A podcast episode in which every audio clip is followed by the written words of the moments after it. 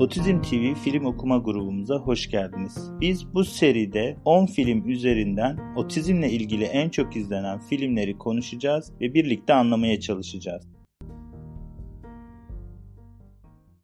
Filmin tartışma konularını tekrar bir kısaca gözden geçirelim. Filmin konusu, karakterlerin durumu, otizmin belirtileri, terapi ve eğitim süreçleri, sosyal çevrenin bakışı, ne anlamadık, kafamıza ne yatmadı, filmden ne öğrendik ve bize ne çağrıştırıyor. Kısaca bu başlıkları birlikte anlamaya, tartışmaya e, başlayalım derim. Şimdi filmin konusu şu, film 2010 yılında çekilmiş. Hala yaşayan 73 yaşında Temple Grandin adlı otizmli bir kadının hayatının belli bir kesitini izlediğimiz, anlatıldığı bir film e, ve orada terapi sürecinin başlangıcında nasıl tanılandığından ve bu süreç içerisinde annesinin neler yaptığına ilişkin, teyzesiyle yaz kampında gittiği zaman orada neler yaptığını ve hayvanlarla ilgili araştırmalarına nasıl başladığını e, gördüğümüz, aynı zamanda lise yıllarında fen bilgisi öğretmeniyle karşılaşıp e, fen bilgisi öğretmeni sayesinde bilime daha çok e, yatırım yapmaya başladığını, yani onunla daha çok ilgilendiğini e, anladığımız bölümleri de olan, aynı zamanda yaptığı çalışmalarla lise sonrası üniversitedeki karşılaştığı insanlar ve orada yaptıklarını da izlediğimiz ve Temple Grandin'in nasıl bugün profesör olduğunu bize ipuçları verebilecek 1981 yılına kadar ki olan sürece dair yaşantısından bir kesiti izliyoruz. Şimdi filmin konusu kısaca bu. Bir biyografi filmi oldukça ödüller almış da bir film. Temple Grandin de filmde oyun, oyunculuk yapan Claire Denis'ti sanırım. Onu da baya hani kendisini gerçekten birebir e, canlandırdığı için tebrik etmiş bu konuda. Bu da ek bir bilgi olarak karşımıza çıkıyor. Yani kendisini o dönemini iyi anlayıp filme yansıttığını söylemiş. Dolayısıyla film çok gerçekçi özellikleri olan bir film olarak karşımıza çıkıyor. Şimdi filmin konusunu kısaca anlattıktan sonra karakterlerin durumu, temsili, e, kişiler, filmdeki karakterlere geçelim. Bunlarla ilgili neler düşünüyorsunuz? Hani ben kendime göre filmi etkileyici buluyorum. Sizin filmle ilgili aklınızda kalan serbest çağrışım olarak söyleyebileceğiniz bir şeyler varsa bu kısımda konuşabiliriz biraz üzerinde. Sonra karakterler ve otizmle ilgili tartışmaya, konuşmaya geçebiliriz. Ee, ben konuşabilir miyim? Tabii. Ee, benim karakterlerle ilgili aslında dikkatimi çeken ilk şey şu oldu. Tam olarak karakterler üstünden gidemeyeceğim ama film 1960'larda geçiyor sanırım ve 1960'larda e, bir markete girdiğinde ben otizmliyim dediği zaman Temple Grandin karşısındaki kadın Aa, benim kızım da otistik diyor ve orada benim dikkatimi çeken o yıllarda otizmin bilinmesi e, çok tuhaf geldi bana. Yani bu denli yaygın bir şekilde bilinmesi bana çok e, değişik ve çok güzel geldi açıkçası. Çünkü 1960'lar e, o yıllarda o ülkede evet çok yaygın olabilir ama Türkiye'de bu denli biliniyor muydu emin değilim. E, bilmiyorum yani tam olarak bilgim yok bu konuda ama bunu söylemek istedim. Tamam teşekkür ederim. Bir farkındalığın olduğunu söylüyorsun o döneme ilişkin, filmin yapıldığı yıllara ilişkin. Tabii bu şunu da çağrıştırıyor. Şimdi mesela ilk tanı aldığı zamanki süreci bir hatırlayalım. 1947 doğumlu galiba. Evet 1947 doğumlu. Şu anda 73 yaşında olduğuna göre. Şimdi 55'li yıllarda otizmin nasıl bakıldığına ilişkin oldukça çarpıcı bilgiler veriyor film. Yani mesela e, o dönem doktora gittiğinde annesi doğum gününden sonra hatırlıyorsanız öyle bir sahne vardı. E, doğum gününden sonra e, çocuktaki o kendini yere atıp öfke krizleri geçirdiği zaman doktora götürdüğünde ki anne bu arada da e, Harvard mezunu oldukça okumuş bir kadın. E, babaya ilişkin neredeyse hiçbir bilgiye sahip olamıyoruz. E, de bence filmde bizim düşünmemiz gereken konulardan birisi. Bunu geçiyorum. O yıllarda gittiği ilk psikiyatrist otistik tanısını koyuyor ve bunun bir çocukluk şizofrenisi olarak açıklıyor. Bu şimdi çok önemli bir şey. E, o yıllarda e, otizm bir çocukluk şizofrenisi olarak görülüyor ve akıl hastalıkları kategorisinde değerlendiriliyor. Dolayısıyla akıl hastanesinde tedavi edilmesi gereken bir durum olarak ele alınıyor. Şimdi farkındalık düzeyleri açısından düşündüğümüz zaman aslında bir hastalık kategorisinde oldukça değerlendirildiğini hatta bunun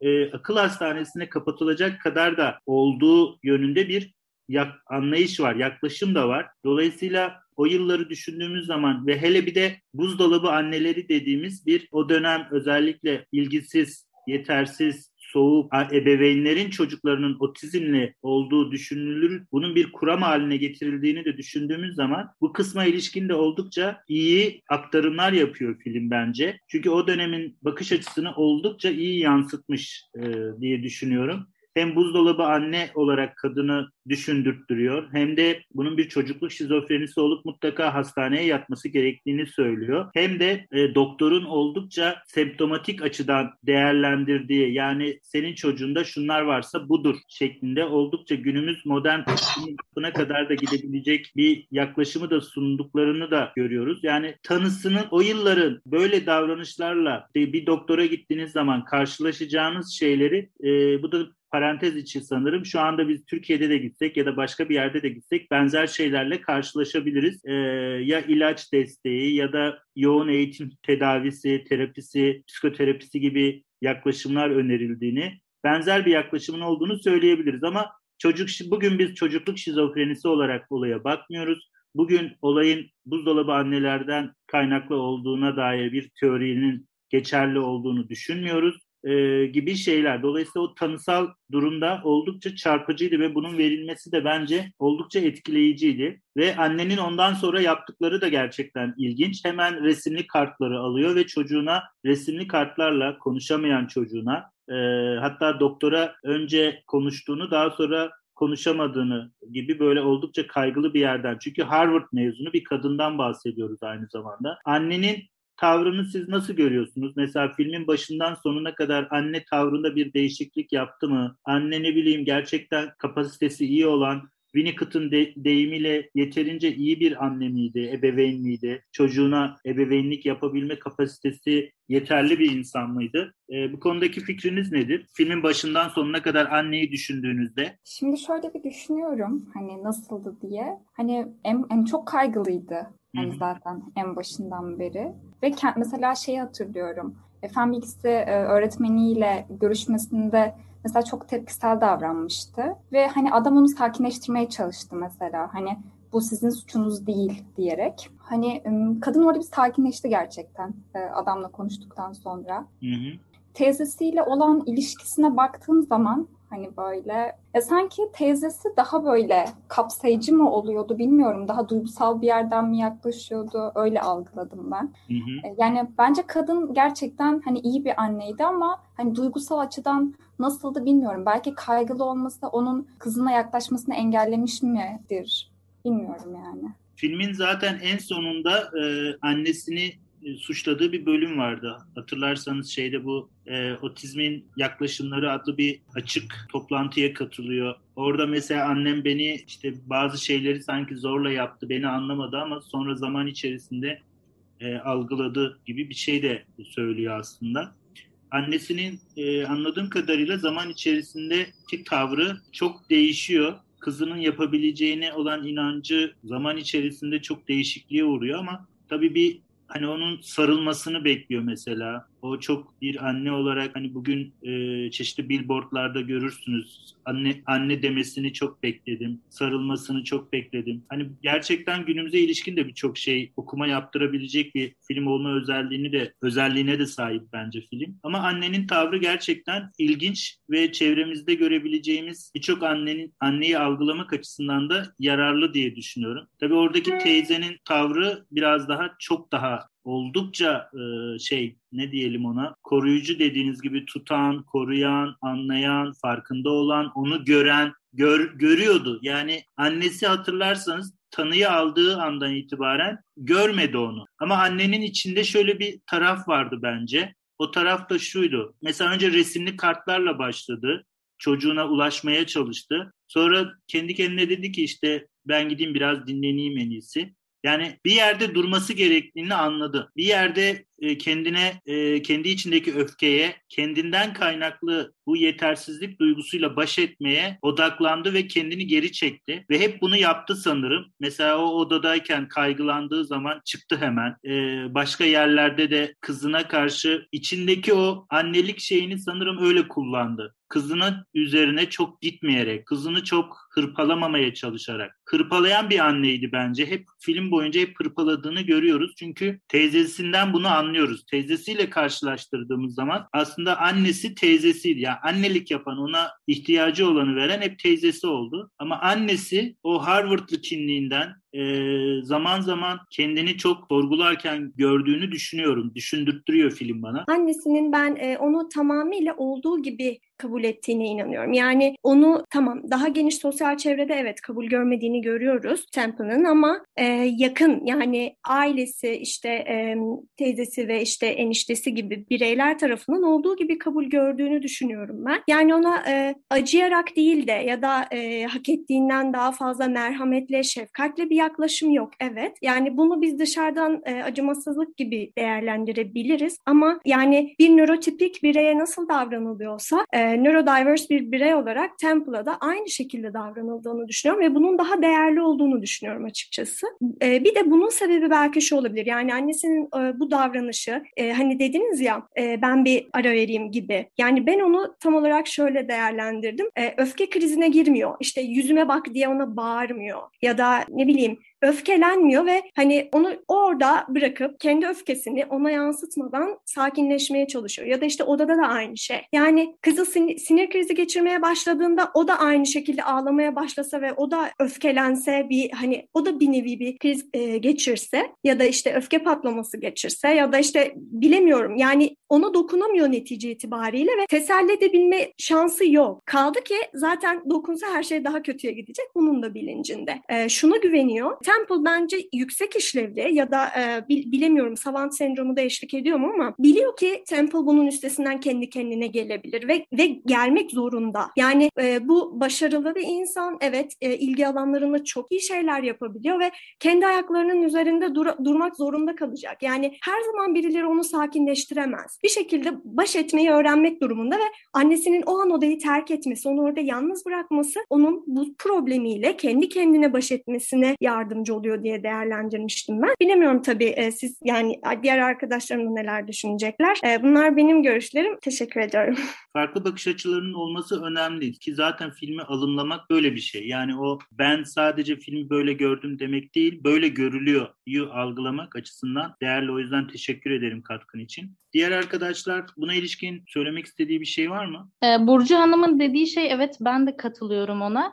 Ama şöyle bir durum var. Ben Temple'ın annesinin çok tipik bir otizmli annesi olduğunu düşünüyorum. Yani ilk yıllarda evet kabullenemiyor, ne olduğunu bilmiyor, araştırıyor vesaire ama Burcu Hanım'ın dediği gibi bence de çok sakin davranıyor. İlk başlarda resimli o sahnede resmi göstererek konuşturmaya çalıştı sahnede. E, yıllar geçtikçe de kızının aslında başarılı olması ona güç veriyor bence. Yani çok tipik bir şekilde kabullenemiyor. Sonrasında da yavaş yavaş kabullenmeye başlıyor. Ben çok olağanüstü bir davranış bulamadım açıkçası sahnesinde. Yani çok başarılı ya da çok başarısız gibi bir şey söyleyemiyorum. Çok normal buldum açıkçası. Burada tabii bizim e, orada iki tane kadın var. Bir e, anne bir de teyze. Bunları düşündüğümüz zaman annelik tanımını yani kişinin orijinal annesi anneliği yapar, diğeri annelik yapamaz gibi düşünmek yerine şöyle düşünelim. Bir insanı besleyen, koruyan, anlayan, gören, duyan, onun farkında olan kişi annelik yapıyordur ona. Dolayısıyla bu şekilde düşündüğüm zaman açıkçası bana teyzenin anneden daha çok annelik yaptığını mesela odasına gidiyor. Odasında ona teyze anlatmış, şey annesi anlatmış kızın durumunu ve o hemen çözümler buluyor. Mesela odanın kapısına Templa'nın ait olduğuna dair e, bir şey asıyor. Ya da herhangi bir şey olduğunda e, onu takip ediyor. Onunla birlikte kaygılanıyor. Onunla birlikte o da acı çekiyor. O gidip kendini e, şeye koyduğunda hani bir sıkıştırma makinesinin içine girdiğinde çiftlikteyken o da ona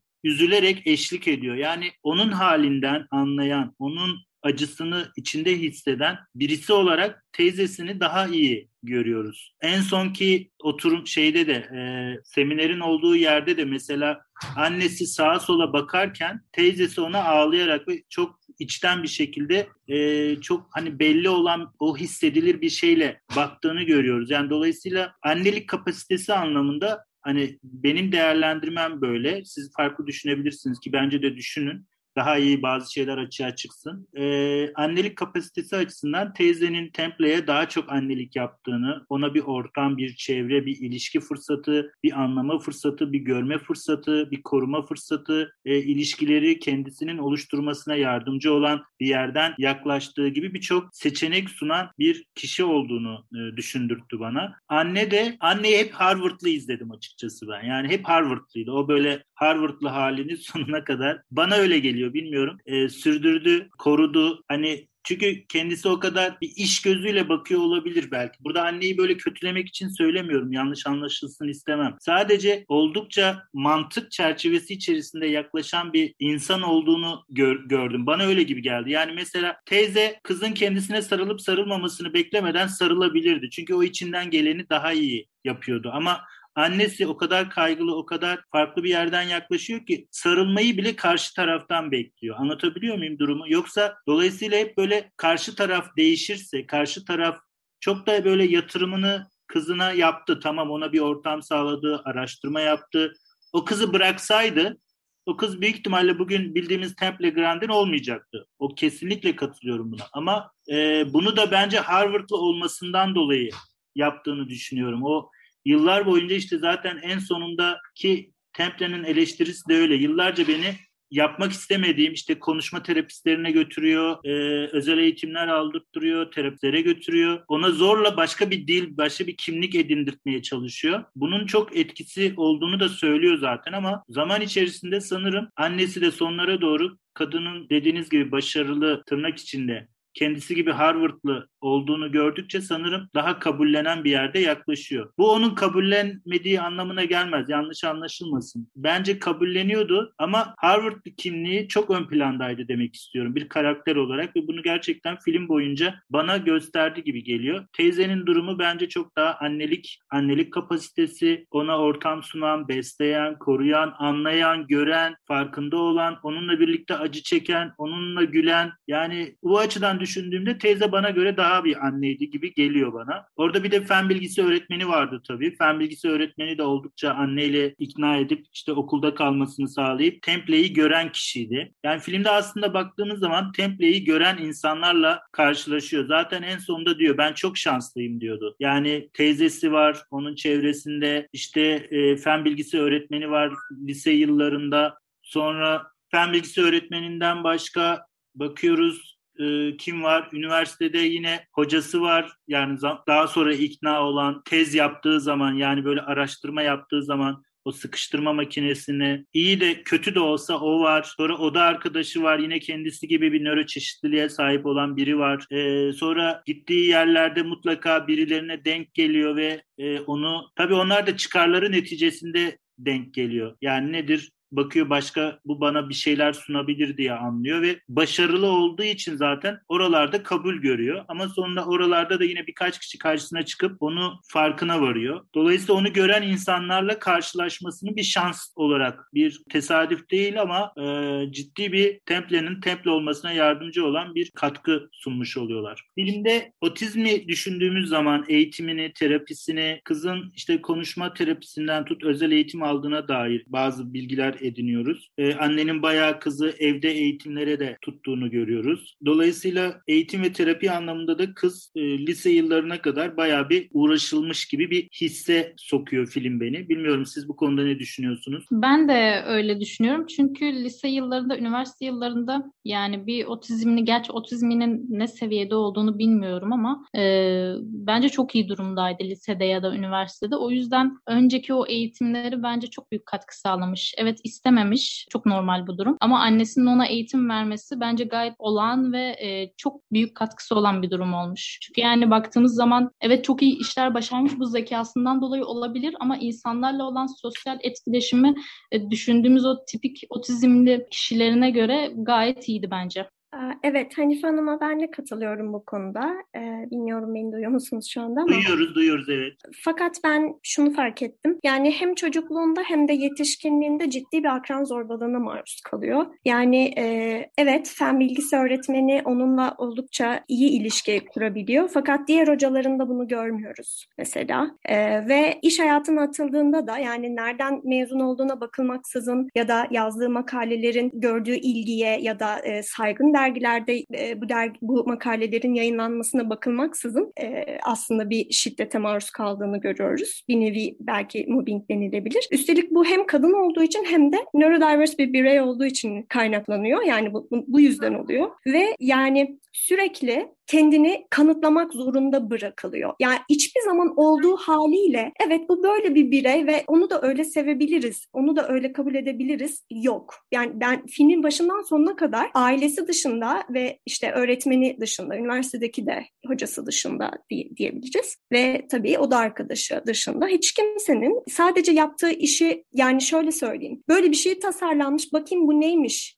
şekliyle yaklaşmak yerine işte bunu kim tasarlamış üzerinden gidildiğini düşünüyorum ben. Yani öyle oldu. Onu fark ettim. E, dolayısıyla sürekli bir şeyleri başarmak ve bunları insanlara söylemek zorunda kalıyor ki kabul görsün. E, o insanlar tarafından projesi ya da işte düşünceleri değerli e, olarak değerlendirilsin. Yine bunlar benim eklemek istediklerim bu noktada. Evet, dışlanmışlık, ötekileştirme, hem kadınlara yapılan bir şey olarak karşımıza çok sık çıkıyor. Hatta o psikiyatri kliniğinde ilk baştaki tanı aldığında doktor gidin kocanızı çağırın diyor mesela. Hatta Harvard'lı olması kadının bile bunları anlay- anlatamayacağı, anlamayacağı yönünde bir eleştiriye maruz bırakılıyor. Aslında dönemin kadın sadece e, nöroçeşitliliği olanlara değil, genel olarak herkese karşı bir yoğun dışlamaya e, hani bıraktığını, izlerini görebiliyoruz filmde. Sana katılıyorum gerçekten. Film aynı zamanda bir dışlanmaya karşı, bir ötekileştirmeye karşı ancak başarılı olursanız, ancak işe yararsanız, ancak kendinizi ifade edecek bir alan bulursanız siz toplumda bir yer edinebiliyorsunuz vurgusunu e, ciddi evet. şekilde yapıyor. Bu bizim için de geçerli. Yani biz de kendimizi ifade edecek kanalları o şekilde yaratırsak ancak toplum bizi dikkate alıyor. Aksi takdirde ben bile şurada çok önemli bir şeyler yapmadığım sürece sıradan biri olarak görülüyorum. Dolayısıyla böyle bir şey bize nasıl e, nörotipik dediğimiz bize bile çok uygulanan bir şeyse onların yaşadığı durum gerçekten iki katıymış gibi gözüküyor. E, hatta filmin en sonlarına doğru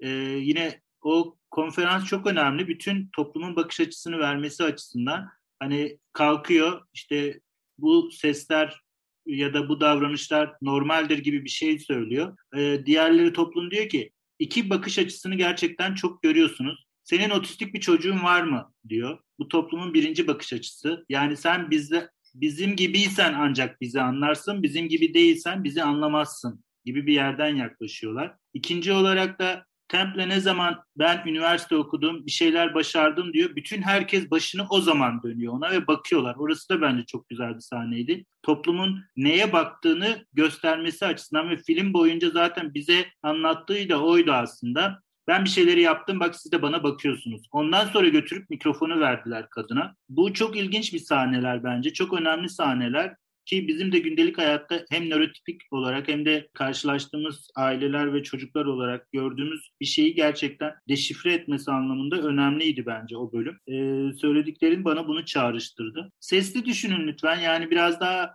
çağrışımlarınıza izin verin. Burada doğru yanlış yok. İlk defa kendinizi ifade ettiğiniz bir alanmış gibi düşünün ama hani biz burada doğruyu yanlışı tartışmıyoruz. Elimizden e, gelen ne varsa aklımıza gelen, içimizde ortaya çıkan filmle ilgili e, bir şeyleri alımlamaya çalışıyoruz diye. O yüzden elinizden geldiğince kendinize biraz izin verin lütfen. Toplum baskısını üzerinizde hissetmeyin diyeceğim ama tabii ki siz kaygınız sizinle e, evet bir de otizmle iyileşti mi demeleri vardı. Hani otizmin iyileşti mi? O da çok önemli. Gerçekten toplumun e, şeyini güzel veriyordu diye düşünüyorum ben. Evet hastalık sanılması ve spektrum genişliğinin farkında olmamaları. Evet. Ben bir şey daha söylemek istiyorum. Tabii. Sürekli ben konuşuyormuş gibi hissediyorum kendimi.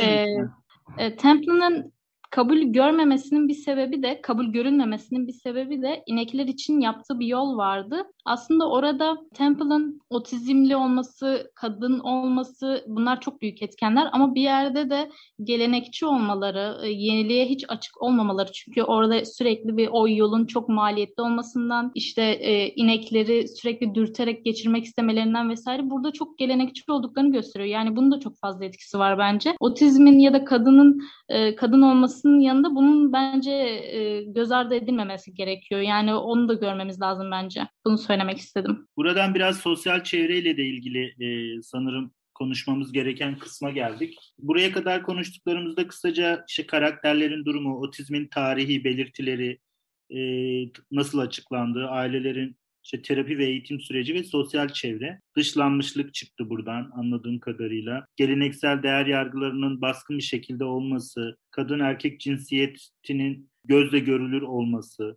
gibi şeyler de ortaya çıkıyor. Evet başka konuşmak isteyen var mı? Temple sizce e, otizm belirtileri bildiğimiz anlamda gösteriyor mu? Biraz bunu konuşalım isterseniz.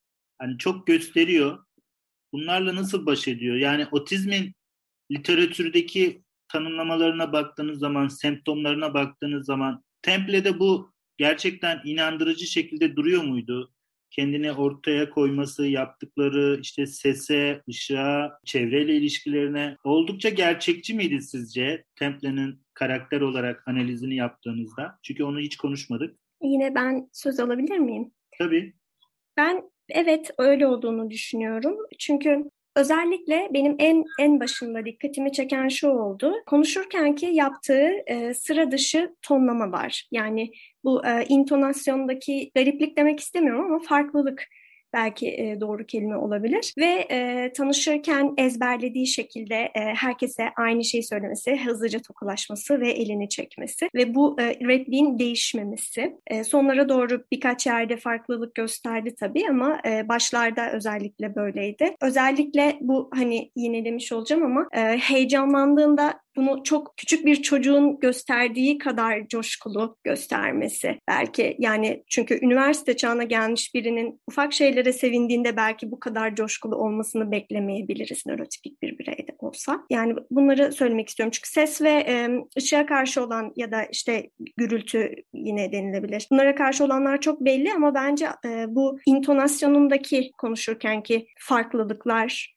e, gereksiz yükselmeler belki diyebilirim. Bunlar çok çok çok iyi olmuş. Ben bu arada şey Templa'nın e, sanırım Google Talks konuşması var. Ona e, ona biraz bakmıştım. Hala aynı mı diye ses tonu merak ettim. E, gerçekten bir, hala aynı şekilde ama e, biraz daha gerçekte lisedeyken, üniversitedeyken Templa öyle miydi bilmiyoruz ama e, şu anki halinde oldukça canlı, enerjik ama o sesindeki o e, şeyi kaybetmediğini hissettirdi açıkçası. Bir dinlemenizi tavsiye ederim. Karşılaştırma yapmak açısından güzel bir şey olabilir bu. Hala o yükselmeler, alçalmalar ya da daha da yükselmeler kendini anlatmak için bazı şeyleri ses ton iniş çıkışlarına seslerin bile yani çok oynak bir şekilde olduğunu hala hissettirdi açıkçası. Bir dinlemenizi tavsiye ederim. İlginç bir deneyim oluyor. Yani filmdeki karakterin gerçek hayattaki bir şeyini dinlemek bana çok değişik geldi açıkçası. Şunu da sorayım bu arada. Temp'te mesela ne oldu da değişimlere uğradı? Ee, mesela hayatında dönüm noktaları oldu. Üniversiteye gitmeyeceğim diyordu. Çiftlikten ayrılmayacağım diyordu. Ee, ne bileyim e, işte şunu şöyle yapmayacağım diyordu. Ama hep hayatında hep böyle uyum sağlaması zor, zor olduğu gibi aynı zamanda değişikliklere de hızlı bir şekilde adapte oluyordu. Bunu siz nasıl açıkladınız filmde? Bir otizmli açısından değil de film filmi düşünerek e, cevap vermenizi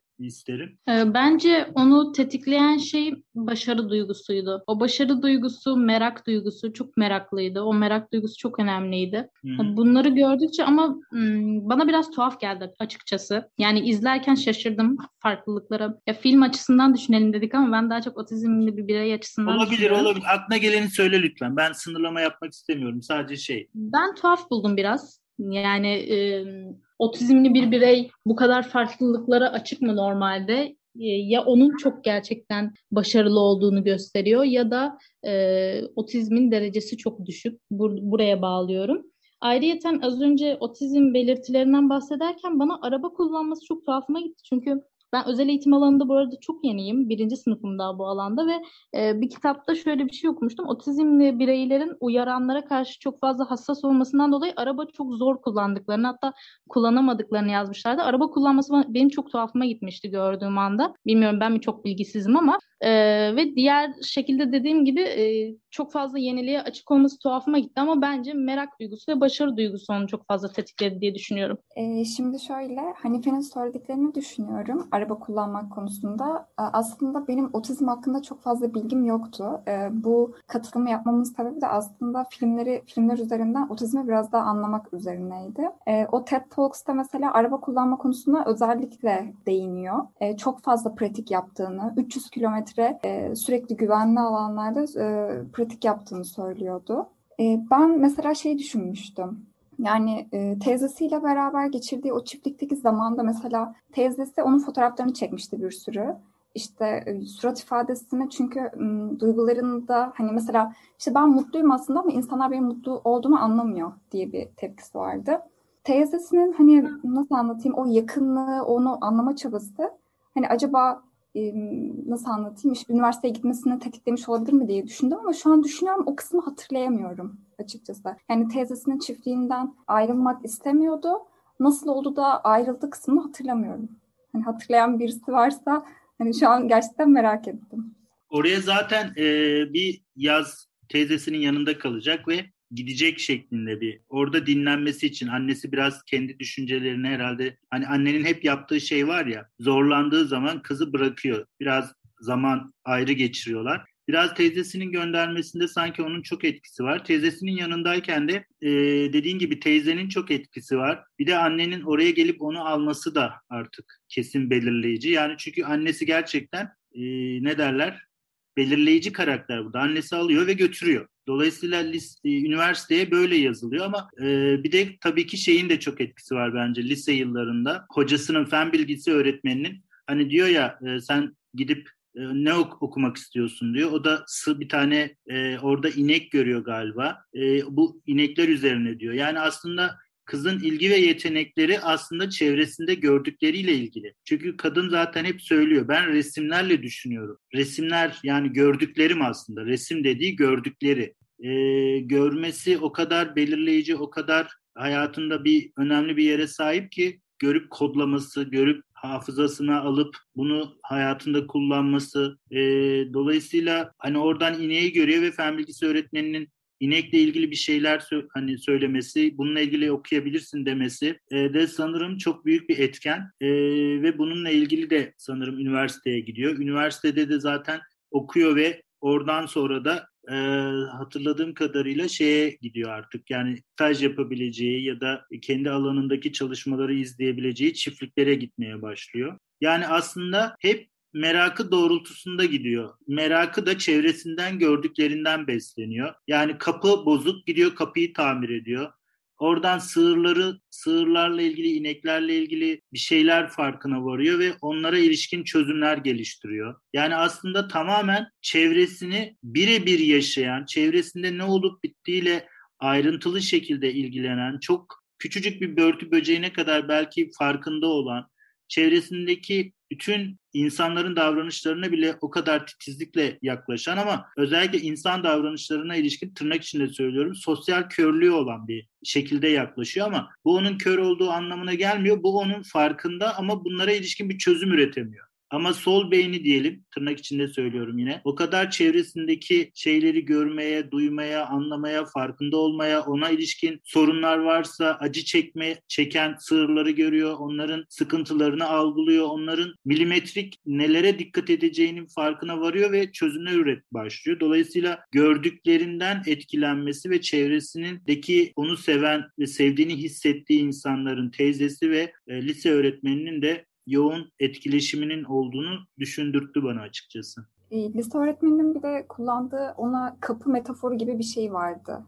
Hı hı. E, bence o da çok kıymetli bir şeydi evet. onun için. Hani destek anlamında. Bazı kelimelere hayran. Mesela e, mucize diyor. Sonra üniversiteye başlıyordu sanırım. Buraya not almıştım ben.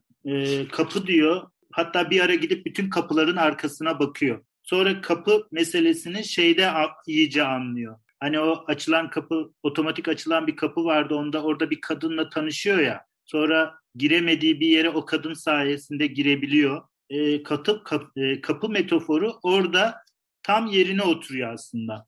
Kapılar, mucizeler, ona çağrıştıran bazı kelimeler gerçekten çok e, belirleyici olmuş oluyor. Farklı, eksik değil diyor mesela. O da kendini böyle ifade ediyor.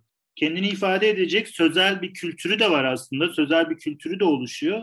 Ama daha çok resimlerle düşünmesi, görsel konuşması onu hayata çevresindeki insanların da daha farklı bakmasına vesile oluyor.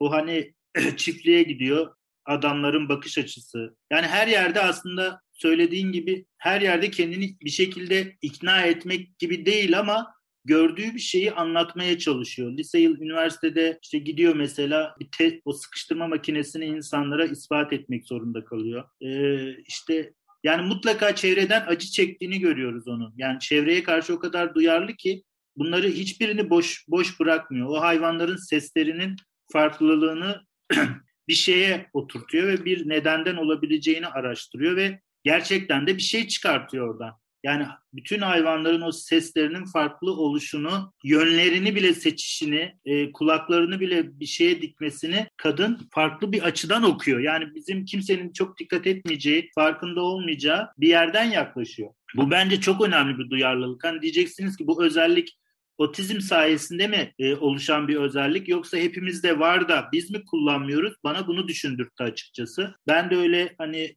çevremde, çevremizdeki tabii şeylere bu gözle bakmak ne kadar beynimizi yapabileceği bir şey ama toplumda gerçekten olmasını istediğim bir özellik görmek. Yani bana görmeyi çok iyi anlattı diyebilirim bu. Görmek ne demek? Tam anlamıyla görmek.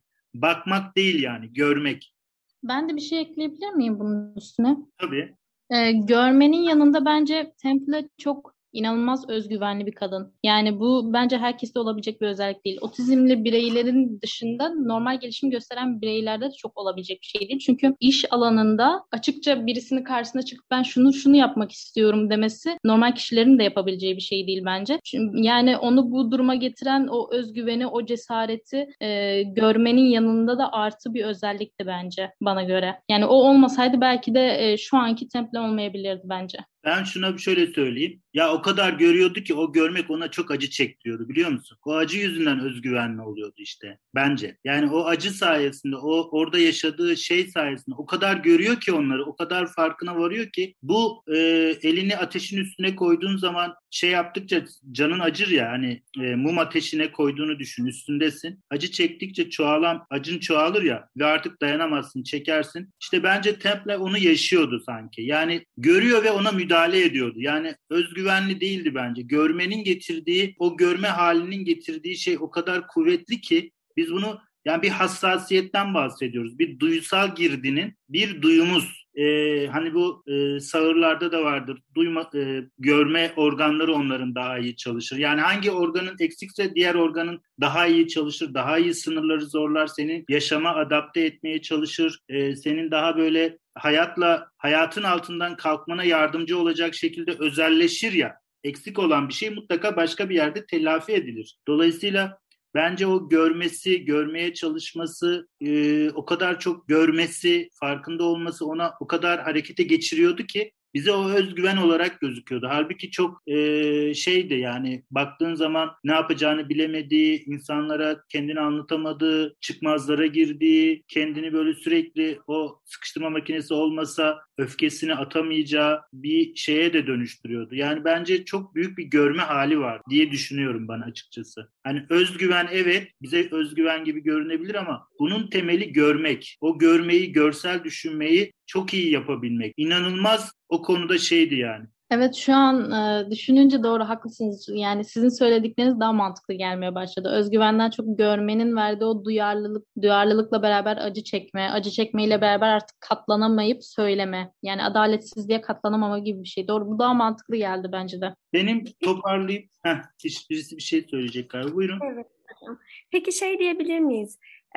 Ben de şöyle düşünmüştüm görmeden ziyade yani şu an tabii daha e, mantıklı geldi sizin söylediğiniz ama e, izlerken şunu düşünmüştüm. E, kendisinin doğası gereği kimseyi yargılamadığı e, sebebiyle yani onun böyle bir yapısı yok herhangi bir kimseyi yargıladığını da görmüyoruz eleştirdiğini vesaire. O yüzden de e, eleştirileceğini düşünmediğinden mi acaba bu özgüven diye düşünmüştüm. Yani o kimseyi yargılamıyor, dolayısıyla yargılanabileceğini hesap mı edemiyor acaba? Çünkü e, bu işte yaz, yüksek lisans tezini yazmak istediği konu vesaire yani ona göre çok mantıklı şeyler ama insanlar en başta bunun işte e, nasıl yani çıkardığı sesler mi saçmalama şeklinde e, bir tavırla yaklaşmaları. Bunu baştan hesap edememesi. Yani ben öyle düşünmüştüm. Ne düşünürsünüz bilmiyorum. Yani yargılanacağını hesap edemedi gibi gelmişti. Dolayısıyla bunu da bize özgüven gibi algıladık sanki. Mi acaba demiştim. Şimdi e, bence buradaki bana şu gibi geliyor. Şimdi sosyal bir körlüğü var. Yani nedir sosyal körlüğü? Bir diğer insanın kendi, kendisinden geleni anlamadığına dair bir fikri var. Aynı zamanda o da bir başkasının bunu neden algılamadığına ilişkin e, bir fikri var. Yani ama bunu anlayamıyor, tanımlayamıyor. Bunun farkında bile değil. Yani buna ilişkin bir tırnak içinde söylüyorum tekrar. Bu hep söylediğim şey tırnak içindedir. Sosyal körlük diyorum ben buna. Yani bir ötekini algılayamıyor. Ötekinin ihtiyacını göremiyor. Mesela e, bir partideydi hatırlarsanız öyle bir sahne vardı. Bir kadın ve adam yanına geliyor. Oğullarını tanıştırıyor. Niye oğullarını tanıştırıyor? Çünkü ilk defa yüksek lisans yapmış bir kadın var burada ve kadın da e, hani iyi bir kariyer demek oğullarını tanıştırıyorlar. Ama e, oğullarını tanıştırıyorlar. Sonra birkaç şeyden sonra kadın hırslı bir şekilde böyle şey temple hızlı bir şekilde şeyini anlatıyor. E, yaptığı şeyin ne kadar içten bir şekilde anlatıyor. Bulduğu bir şeyin ne kadar değerli olduğunu anlıyor. Ama hani biraz önce söylediğimiz gibi toplumda başarı çok önemlidir ama detaylar önemli değildir. Yani sen bir şey başar da bunu nasıl başardığınla çok ilgilenmez. O toplumsal yargıyı görüyoruz zaten. Bunu algılayamıyor tabii Temple. E, bu toplumun başarıyı önemsediğini ama başarının nasıl bir başarı olduğunu, nasıl bir çile sonucu oluştuğunu, nasıl bir altında bir şeyler olduğunu farkında Temple ama diğerleri de onların farkında değil. Aslında diğerleri de sosyal bir kör. Böyle bir insanın e, yaptığı şeyle sadece ortaya çıkanıyla ilgileniyorlar. Neden bunu yaptığı, nasıl yaptığıyla ilgilenmiyorlar. Hatta o gerekirse oğullarını tanıştırıp Belki orada bir hayal bile kurdular, fantezi bile kurdular. Bu ikisini evlendiririz, oh bizim oğlumuz da falan şeklinde. E, dolayısıyla toplumun toplumundaki bir, bir toplumdakilerle kadın temple arasındaki uçurumu farkında olduğumuz noktalar oluyordu. Bunlar bizim başımıza da geliyor bence. Baktığımız zaman biz de bu topluma kendimize anlatamadığımız toplum biz başarılıysak bizimle ilgilendiği ama bu başarıyı nasıl yaptığımızda çok farkında olmadığına ilişkin birçok bir bakış açımız da var. Yani bizler de yaşıyoruz ama templeden nöroçeşitliliğe sahip bir insan olarak onun da daha farklı yaşadığını görüyoruz. Kadın da haliyle gidip anne annesine ağlıyor. Ben anlayamıyorum, algılayamıyorum. Onlar da beni algılayamıyor. İlgilendikleri bu diyor. Annesi de diyor ki işte o e, toplum buna böyle yani diyor. Bunu kabul et gibi bir şey söylüyor ona. Dolayısıyla senin söylediklerini de düşündüğümüz zaman hani kadının bazı özellikleri var. Ve bu özellikler onda o kadar çok baskın ki görsel düşünmesi, ayrıntılar, ayrıntıların ondaki e, anlatması Çevremizde de vardır öyle insanlar. Gelirler mesela. Mesela işle ilgili anlatırlar. Parası, nasıl para kazandığıyla ilgili anlatırlar. Ne bileyim işte bir bir şeyi nasıl yaptığını anlatırlar. Ama biz onları anlamak istemiyorsak aynı templeye o partideki davranan kadın gibi, kadınla adam gibi biz de öyle yaklaşıyor olabiliriz. Bilmiyorum. Hani ben sadece şu an sesli düşünüyorum. Dolayısıyla e, kadının özellikleriyle toplumun özelliklerinin orada çatıştığı bir yer olarak düşünmek gerekiyor gibi görünüyor e, ne yazmışsın? Evet ve de onların ilgi alanı mı değil mi? Sığırlar ve onların haşerelerden temizlenmesi merak konusu mu?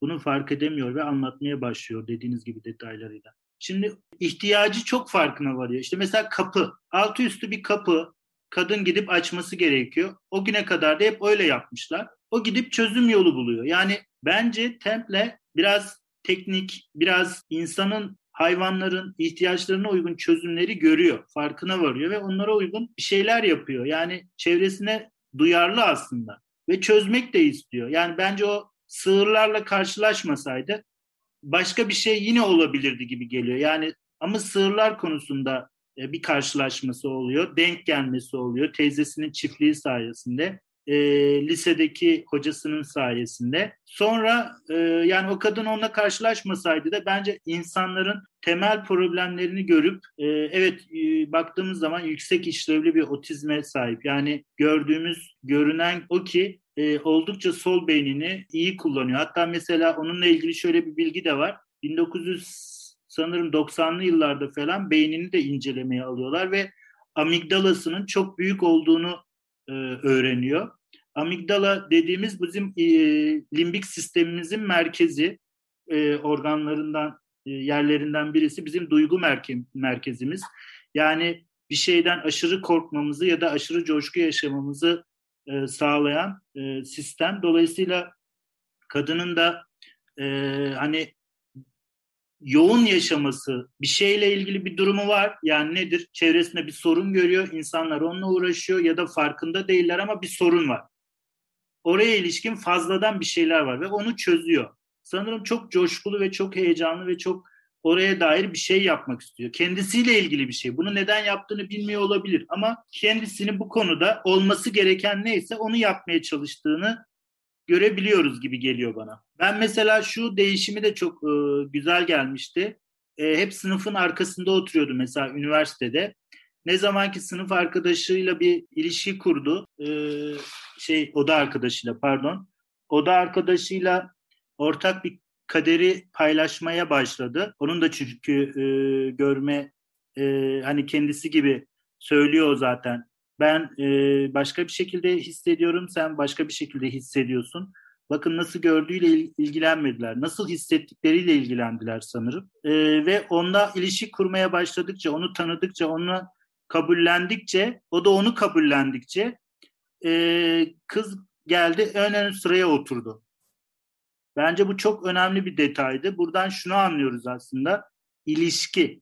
İlişki iyileştirir gerçekten. Yani doğru ilişki, kabul et, içinde kabul olan, şefkat olan, anlayış olan, durumun farkında olan, gör, görmeye dayalı bir ilişki. Yani senin onu gördüğün, onun da seni gördüğü gerçek bir ilişki iyileştirir ve kadın ondan sonra da yavaş yavaş mesela e, ne yaptı? O koluna girdi mesela. O daha sonraki sahnelerde görüyoruz. Annesine küçük de olsa sarıldı. Sınıfın en önüne geçti. Yani aslında kadının hayatındaki o eksik olan şeyin zamanla tamamlandığını da görüyoruz. İlişki gerçek bir ilişki. Bence orada arkadaşının görme engeli olması onun için çok büyük bir avantajdı. Ben öyle düşünüyorum. O ilişkide eğer karşı taraf da otizmli olsaydı belki bu kadar bir ilişki iyi bir ilişki olamazdı. Ama farklı yönlerle görmeleri, farklı e, yetersizlikleri olması çok büyük bir avantajdı ya. Bir Down sendromluyla mesela bu kadar iyi anlaşmayabilirdi. Bir otizmliyle ama belki bir görme yetersizliği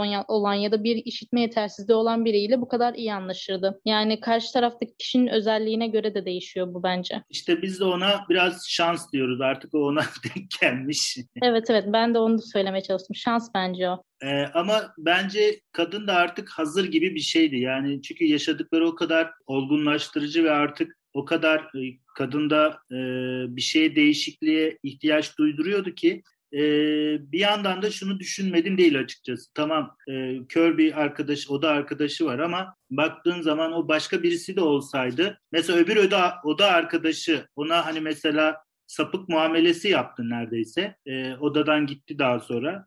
Onun yerine daha e, teyzesi gibi olan bir kadın olsaydı belki yine değiş, değişebilirdi. Bu biraz şeyle ilgili oldu. Hani hani bana damdan düşen birini getirin, damdan düşen birisi benim halimi anlar gibi bir durum olmuş oldu. Ama onun karşılaşması bu açıdan da değerliydi. Bence filmde e, ilişki nasıl kurulabilir konusunda ipuçları veren bir e, etkileşimleri vardı diye düşünüyorum. Peki e, toparlamaya yaklaşalım. 20 dakikamız var. Şu konularla ilgili filmle ilgili tam konuşmak istediklerimizi konuştuk mu bilemiyorum açıkçası. Ben konuşmuş oldum. Biraz da birkaç katılımcımızın sayesinde konuşabildik. Filmden ne öğrendik? Bize ne çağrıştırıyor? Bu sefer herkes lütfen birkaç cümle söylerse sevinirim. En azından birbirimizi daha iyi duymuş oluruz. Film bize neyi anlatıyor? Neyi öğrendik? Bu arada kafanıza yatmayan bir şeyler varsa filmle ilgili onu da e, söylemenizi rica edeceğim. Şu şurası kafama yatmadı. Birkaç tane arada söyledik şu kafama yatmadı gibi ama başka bir fikri olan varsa söyleyebilir. Film size ne öğretti? Bu filmden ne aldınız? Film sizin içinizde e, otizme ilişkin bir bir şeyler oluşturabildi mi? Ya da bir farkındalık yaratabildi mi? Ya da bir e, hiçbir etkisi olmamış da olabilir. İlla oluşturmak zorunda değil. İdealize etmeyelim. Filmi olduğu gibi alalım, alımlamaya çalışalım. Filmden ne öğrendiniz, ne anladınız, anlamadınız ve size ne çağrıştırdığı konusunu birkaç e, konuşmak isterim. İsterseniz ben başlayabilirim çok kısa. Tamam. Aslında maalesef bende yarattığı duygu şu oldu. Nörotipik bireylerin yoğunlukta olduğu bir toplumda kabul görebilmeniz, bir neurodiverse birey olarak kabul görebilmeniz, başarılarınıza ve bir şekilde nörotipik bir birey ye benzemenize bağlı. Yani e, nörotipik bir birey gibi davranabildiğimiz ölçüde neurodiverse olarak ve e, bir şeyler başarabildiğimiz zekamızla yani e, bir takım akademik başarılar ya da e, işte faydalı bir takım bir şeyler işe yaradığımız sürece topluma faydalı olabildiğimiz sürece kabul görebiliriz e, açıkçası ben çıkardım ne yazık ki bu e, filmden. E, çünkü yani o da öyle birisi ve temastan hoşlanmıyor deyip onu rahat bırakmadı. Yani e, film onu o şekilde bence bitirmeliydi. Yani başlardaki o hassasiyetlerini korumalıydı. Ya da e, mesela hani dediniz ya görme engelli olan o da arkadaşıyla birlikte e, birbirlerini anlayabilmeleri, geçinebilmeleri Temple'ın tavizine bağlıydı. Yani Temple kendine dokundurttuğu için ilerledi bu e, ilişkileri. Ben orayı o şekilde yorumlamıştım ve sonunda da işte annesine az da olsa böyle e, sarılabilmesi yine e, biraz daha fazla olanlara benzetilmesi gibi geldi bana. Yani toplumda sayıca fazla olan bireyler gibi davrandıkça ve dediğim gibi faydalı, işe yaradıkça, faydalı oldukça kabul gördü diye düşünüyorum. Bunlar benim görüşlerim. Bana söylediğin şunu çağrıştırıyor. Şimdi biz genel olarak yani kimse ayırt etmeden eğer insan olduğumuzu kabul ediyorsak ve insanların arasındaysak toplumsalla toplumsalın içinde toplumsallığımızın kabul ederek kendi varoluşumuzu da engelletmeden, çiğnetmeden, askıya almadan toplumla kendi bireyselliğimi sürdürebileceğim bir ilişkiler ağı oluşturabiliyorsak yani bunun örnekleri işte en az kısıtlayıcı ortamdan tut kendi gücümü, kendi enerjimi, kendi dikkatimi güzel bir şekilde ortaya koyabileceğim bir fırsatlar verilirse ve buna uygun bir işte en az kısıtlayıcı bir çevre oluşturulursa o toplumla uyum içerisinde hani e, Rus ortak sözleşme dedikleri, toplumsal sözleşme dedikleri şeye uygun olarak evet ben de ben de bir adım atmam gerektiğini düşünüyorum. Dolayısıyla evet bu topluma benzememiz gereken bir noktalarımız var. E, çünkü bir toplum içinde yaşıyoruz ama bu toplumun içerisinde de bireyselliğimi e, inkar etmemem, bireyselliğime uygun davranmam, bireyselliğimin farkına varmam ve kendi içimde beni var edebilecek, içimden gelen işte yetenek, dikkat, eğilim neyse onu da açığa çıkarmam için e, fırsatlar verilmesi. Benim de buna e, asgari ölçülerde yapabiliyor olmak ve yapmayı sürdürebilmek topluma rağmen ve toplumla birlikte. Sanki evet. de bunu biraz başarmış gibi hissettim açıkçası. Yani bunu bir topluma uymak değil, bir toplumsal sözleşme en sonunda oldu. Tabii ki bunu o yılların Amerika'sına, o yılların ım, toplumsal koşullarına, o yılların e, var olan durumlarına uygun şekilde yapmadı. Kendisi zorlayarak ki iyi ki de kendisi zorlayarak yapmış çünkü kadın yoksa başka türlü bir şey olacaktı. Daha e, ne bileyim başka bir kayıp bir insan olmuş olacaktı. Buna rağmen yapabildi. Tabii o da onun şansı ama ben bunu e, uyumlanma, hepimiz uyumlanmak istiyoruz. Çünkü insanız ve insani ihtiyaçlarımız var. Bir başkası olmadan da ben yaşayamam. Benim varoluşum senin varoluşunla bir. Ben evet. sana uymak zorundayım. Sen de bana. Tabii ki bu uyum evet. orta şey değil. Ee, ama ben zaten Temple'ın bunu yaptığını düşünüyorum. Yani o kimseden özel bir muamele beklemiyor. Ya evet. da işte odayı ben ben mesela ya, e, odada yalnız kalayım gibi bir talebi yok. Odasını biriyle paylaşıyor ve e, sınıfta özel bir muamele beklemiyor. Oku denildiğinde okuyor. Yani ben ben Temple'ın üzerine düşeni fazlasıyla yaptığını düşünüyorum. Ek olarak taviz vermek durumunda kaldığını ve karakterin resmediliş şekli olarak e, daha nörotipiklere benzetilmesi. Yani şuna geleceğim. Her değişim bir gelişim midir? Ya da yani ben kimseye zarar vermediğim sürece ve temas etmeden, fiziksel temas etmeden toplumda varlığımı sürdürebilirim netice itibariyle ve e, Temple'da gördüğümüz bu değişiklikler e, nörotipiklere benzeme olarak değerlendiriyorum bu değişimi ve bunun bir gelişim olarak değerlendirilmesi konusunda açıkçası çekincelerim var. Yani ne kadar nörotipikse bir otizmli birey o kadar mı gelişmiş? Yani bu bilmiyorum e, biraz yanlış taraflara doğru gidebilirmiş gibime geliyor. Anladım. Bir tartışma konusu filmden de e, ortaya çıkılabilecek bir ne diyelim sonuçlardan biri olarak ele alalım bunu. Başka fikri olan varsa konuşabilir. Ben de bir şeyler söylemek istiyorum. Tabii. Ee, film daha çok e, şey hissettirmişti bana. Ben uzun zaman evvel izledim aslında. O yüzden karakterleri çok iyi anımsayamadığım için dinleyici modundaydım.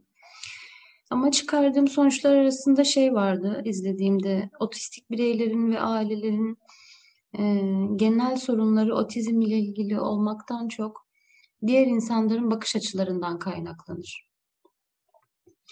Film e, bunu bence yeterince yansıtıyordu. Yani e, bakış açımızla ilgili e, belki de bu toplumla sözleşme yapmak için e, çaba sarf ediyoruz aslında. 2 Nisan'da geliyor. Belki de e, farkındalık kazanmanın e, otizmli bireylere ve ailelerine e, özgüven e, ya da kaygıyla uyumlanma ya da e, akran zorbalığı gibi şeyleri önleyeceğini de düşünüyorum. Belki daha çok konuşmak gerekiyor, daha çok e, fark etmek gerekiyor. Filmde e, hastalık mıdır, farklılık mıdır kısmını da yeterince yansıtıyor bence. E, çünkü e, aslında Temple bir hasta değil, sadece farklı özellikleri var ve kendi e, özelliklerini e, yani ihtiyaçlarına göre e, karşılamaya çalışıyor ve bir sıkıştırma e, makinesi e, yapıyor, başarıyor. Daha sonra kendi ihtiyacından yola çıkarak sığırlardan daha fazla e, nasıl verim elde edilir, e, empatisini kurabiliyor. Yani aslında canlılarla canlı olarak empati kuruyor. İnsanların e, birbiriyle yapmak zorunda olduğu o empati e, faşizmi var ya faşizm demek istiyorum çünkü e, be, benim gibi hissetmesini bekliyorum ben karşımdakinin ama e, hayvanlarla aynı e, duyarlılığa sahip değilim ya da bitkilerle aynı duyarlılığa sahip değilim. Sanki sadece insan ırkı üzerinden bunu götürmeye çalışmak da e, biraz faşizan duruyor bana göre. Teşekkür ederim. Ben de teşekkür ederim.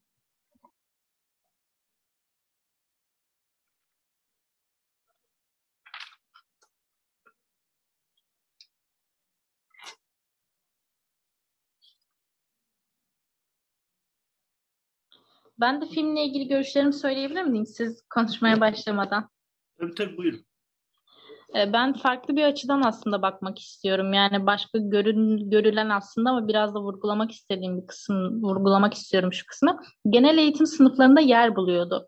Yani otizmli olduğu için bir okuldan atıldığını duymadım ya da hatırlamıyorum şu anda. Birisine vurduğu için sanırım atılmıştı okuldan. Ama bunun dışında genel eğitim sınıflarında yer bulması, çiftlikte yer bulması yani bir ortamda yer buluyor. İnsanlar onu yadırgamıyor. Özellikle eğitim alanında yer bulması bence onun başarısına giden çok büyük bir yoldu.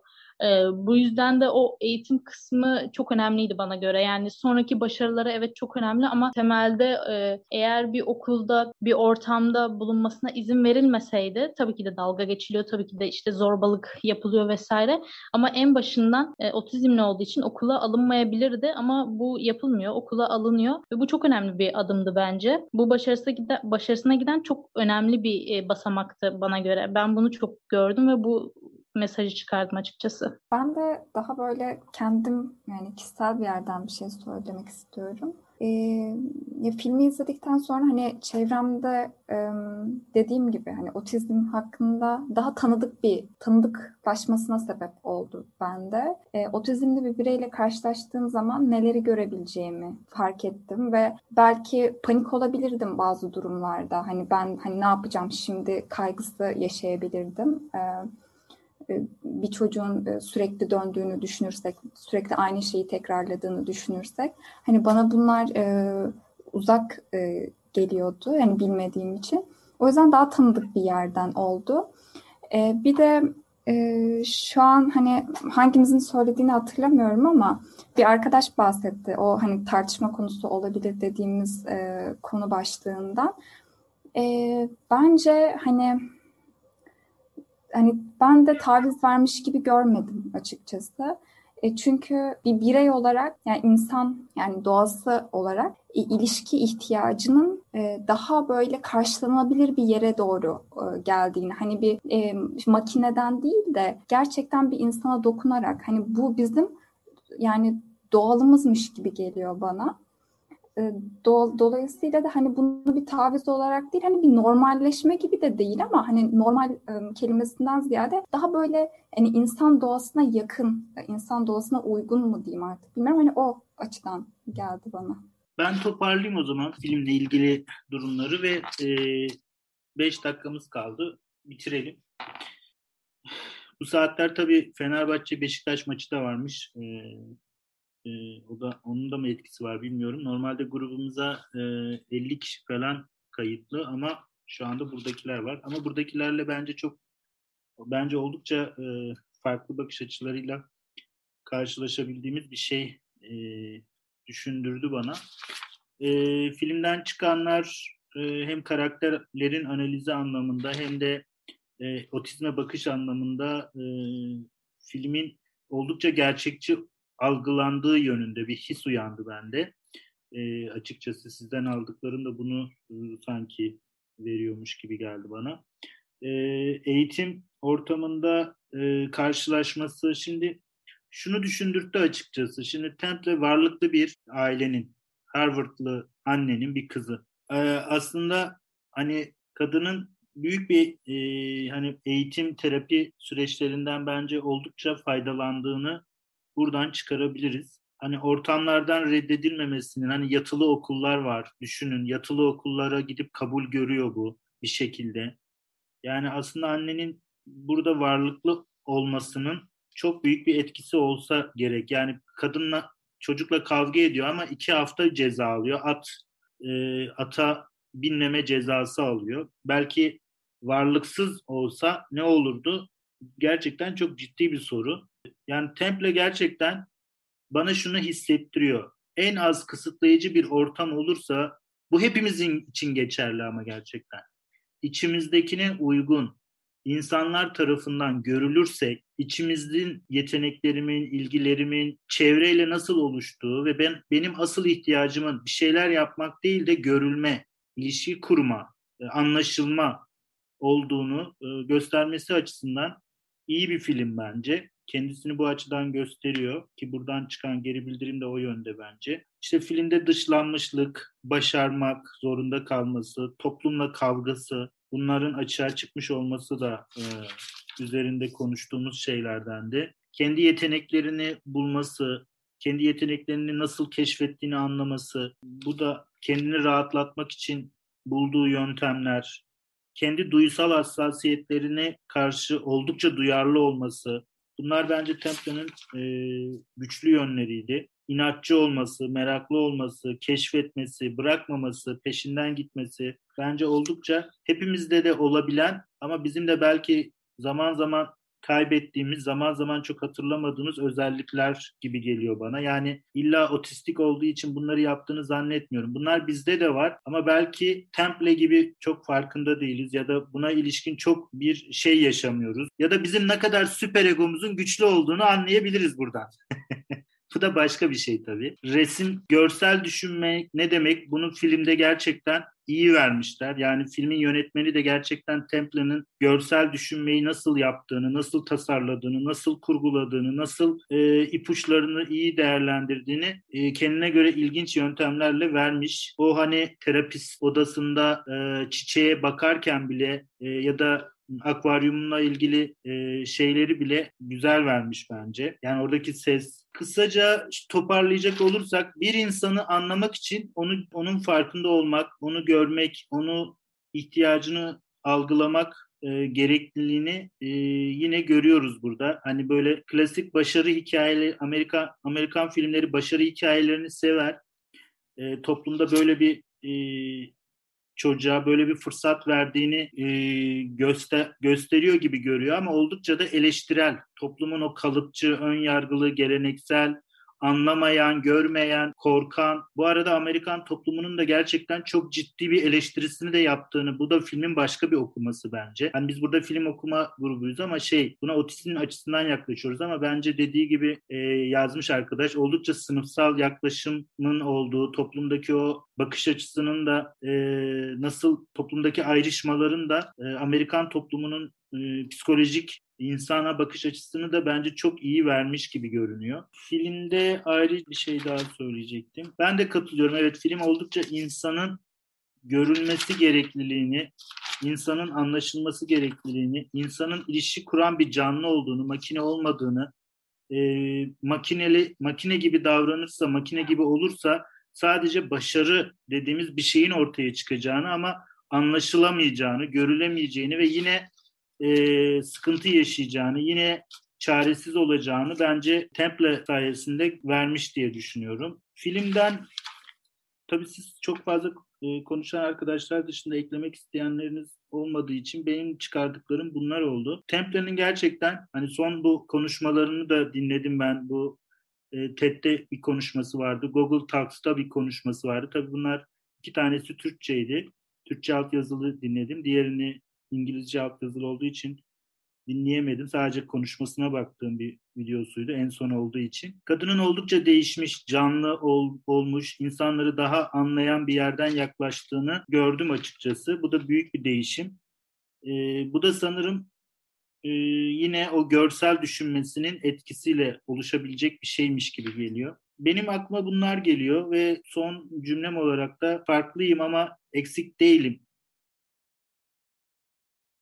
cümlesiyle e, toparlayıp bitirmek istedim. Bilmiyorum konuşa, konuşabildiklerimizi, filme en azından anlaşılır oldu mu? Konuştuklarımız sizin için bir şey ifade etti mi? Kapıların ardını, evet kapı metaforu da oldukça iyiydi. Kapıları görmesi, kapıların hep bir kapı görmesi ve kapıların ardından başka kapılar açılması ben bence de oldukça bize mücadele anlamında, bir şeyler yapma anlamında bir kapı açılır kapanırsa bile öbür kapının olabileceğini ve o kapıdan başka bir şey çıkabileceğini göstermesi açısından da oldukça umut dolu bir filmdi diye düşünüyorum. Benim söyleyeceklerim bu kadar. Teşekkür ediyorum katılımınız için. Bir sonraki hafta After Thomas filmini okuyacağız birlikte. İzlemiş gelirseniz sevinirim. Teşekkür ederim tekrar katılımınız için. Bu pazar akşamını böyle bir filmle benimle birlikte okumaya çalıştığınız için de tekrar teşekkür ederim. İlginç bir deneyimdi. Kendinize iyi bakın. İyi akşamlar.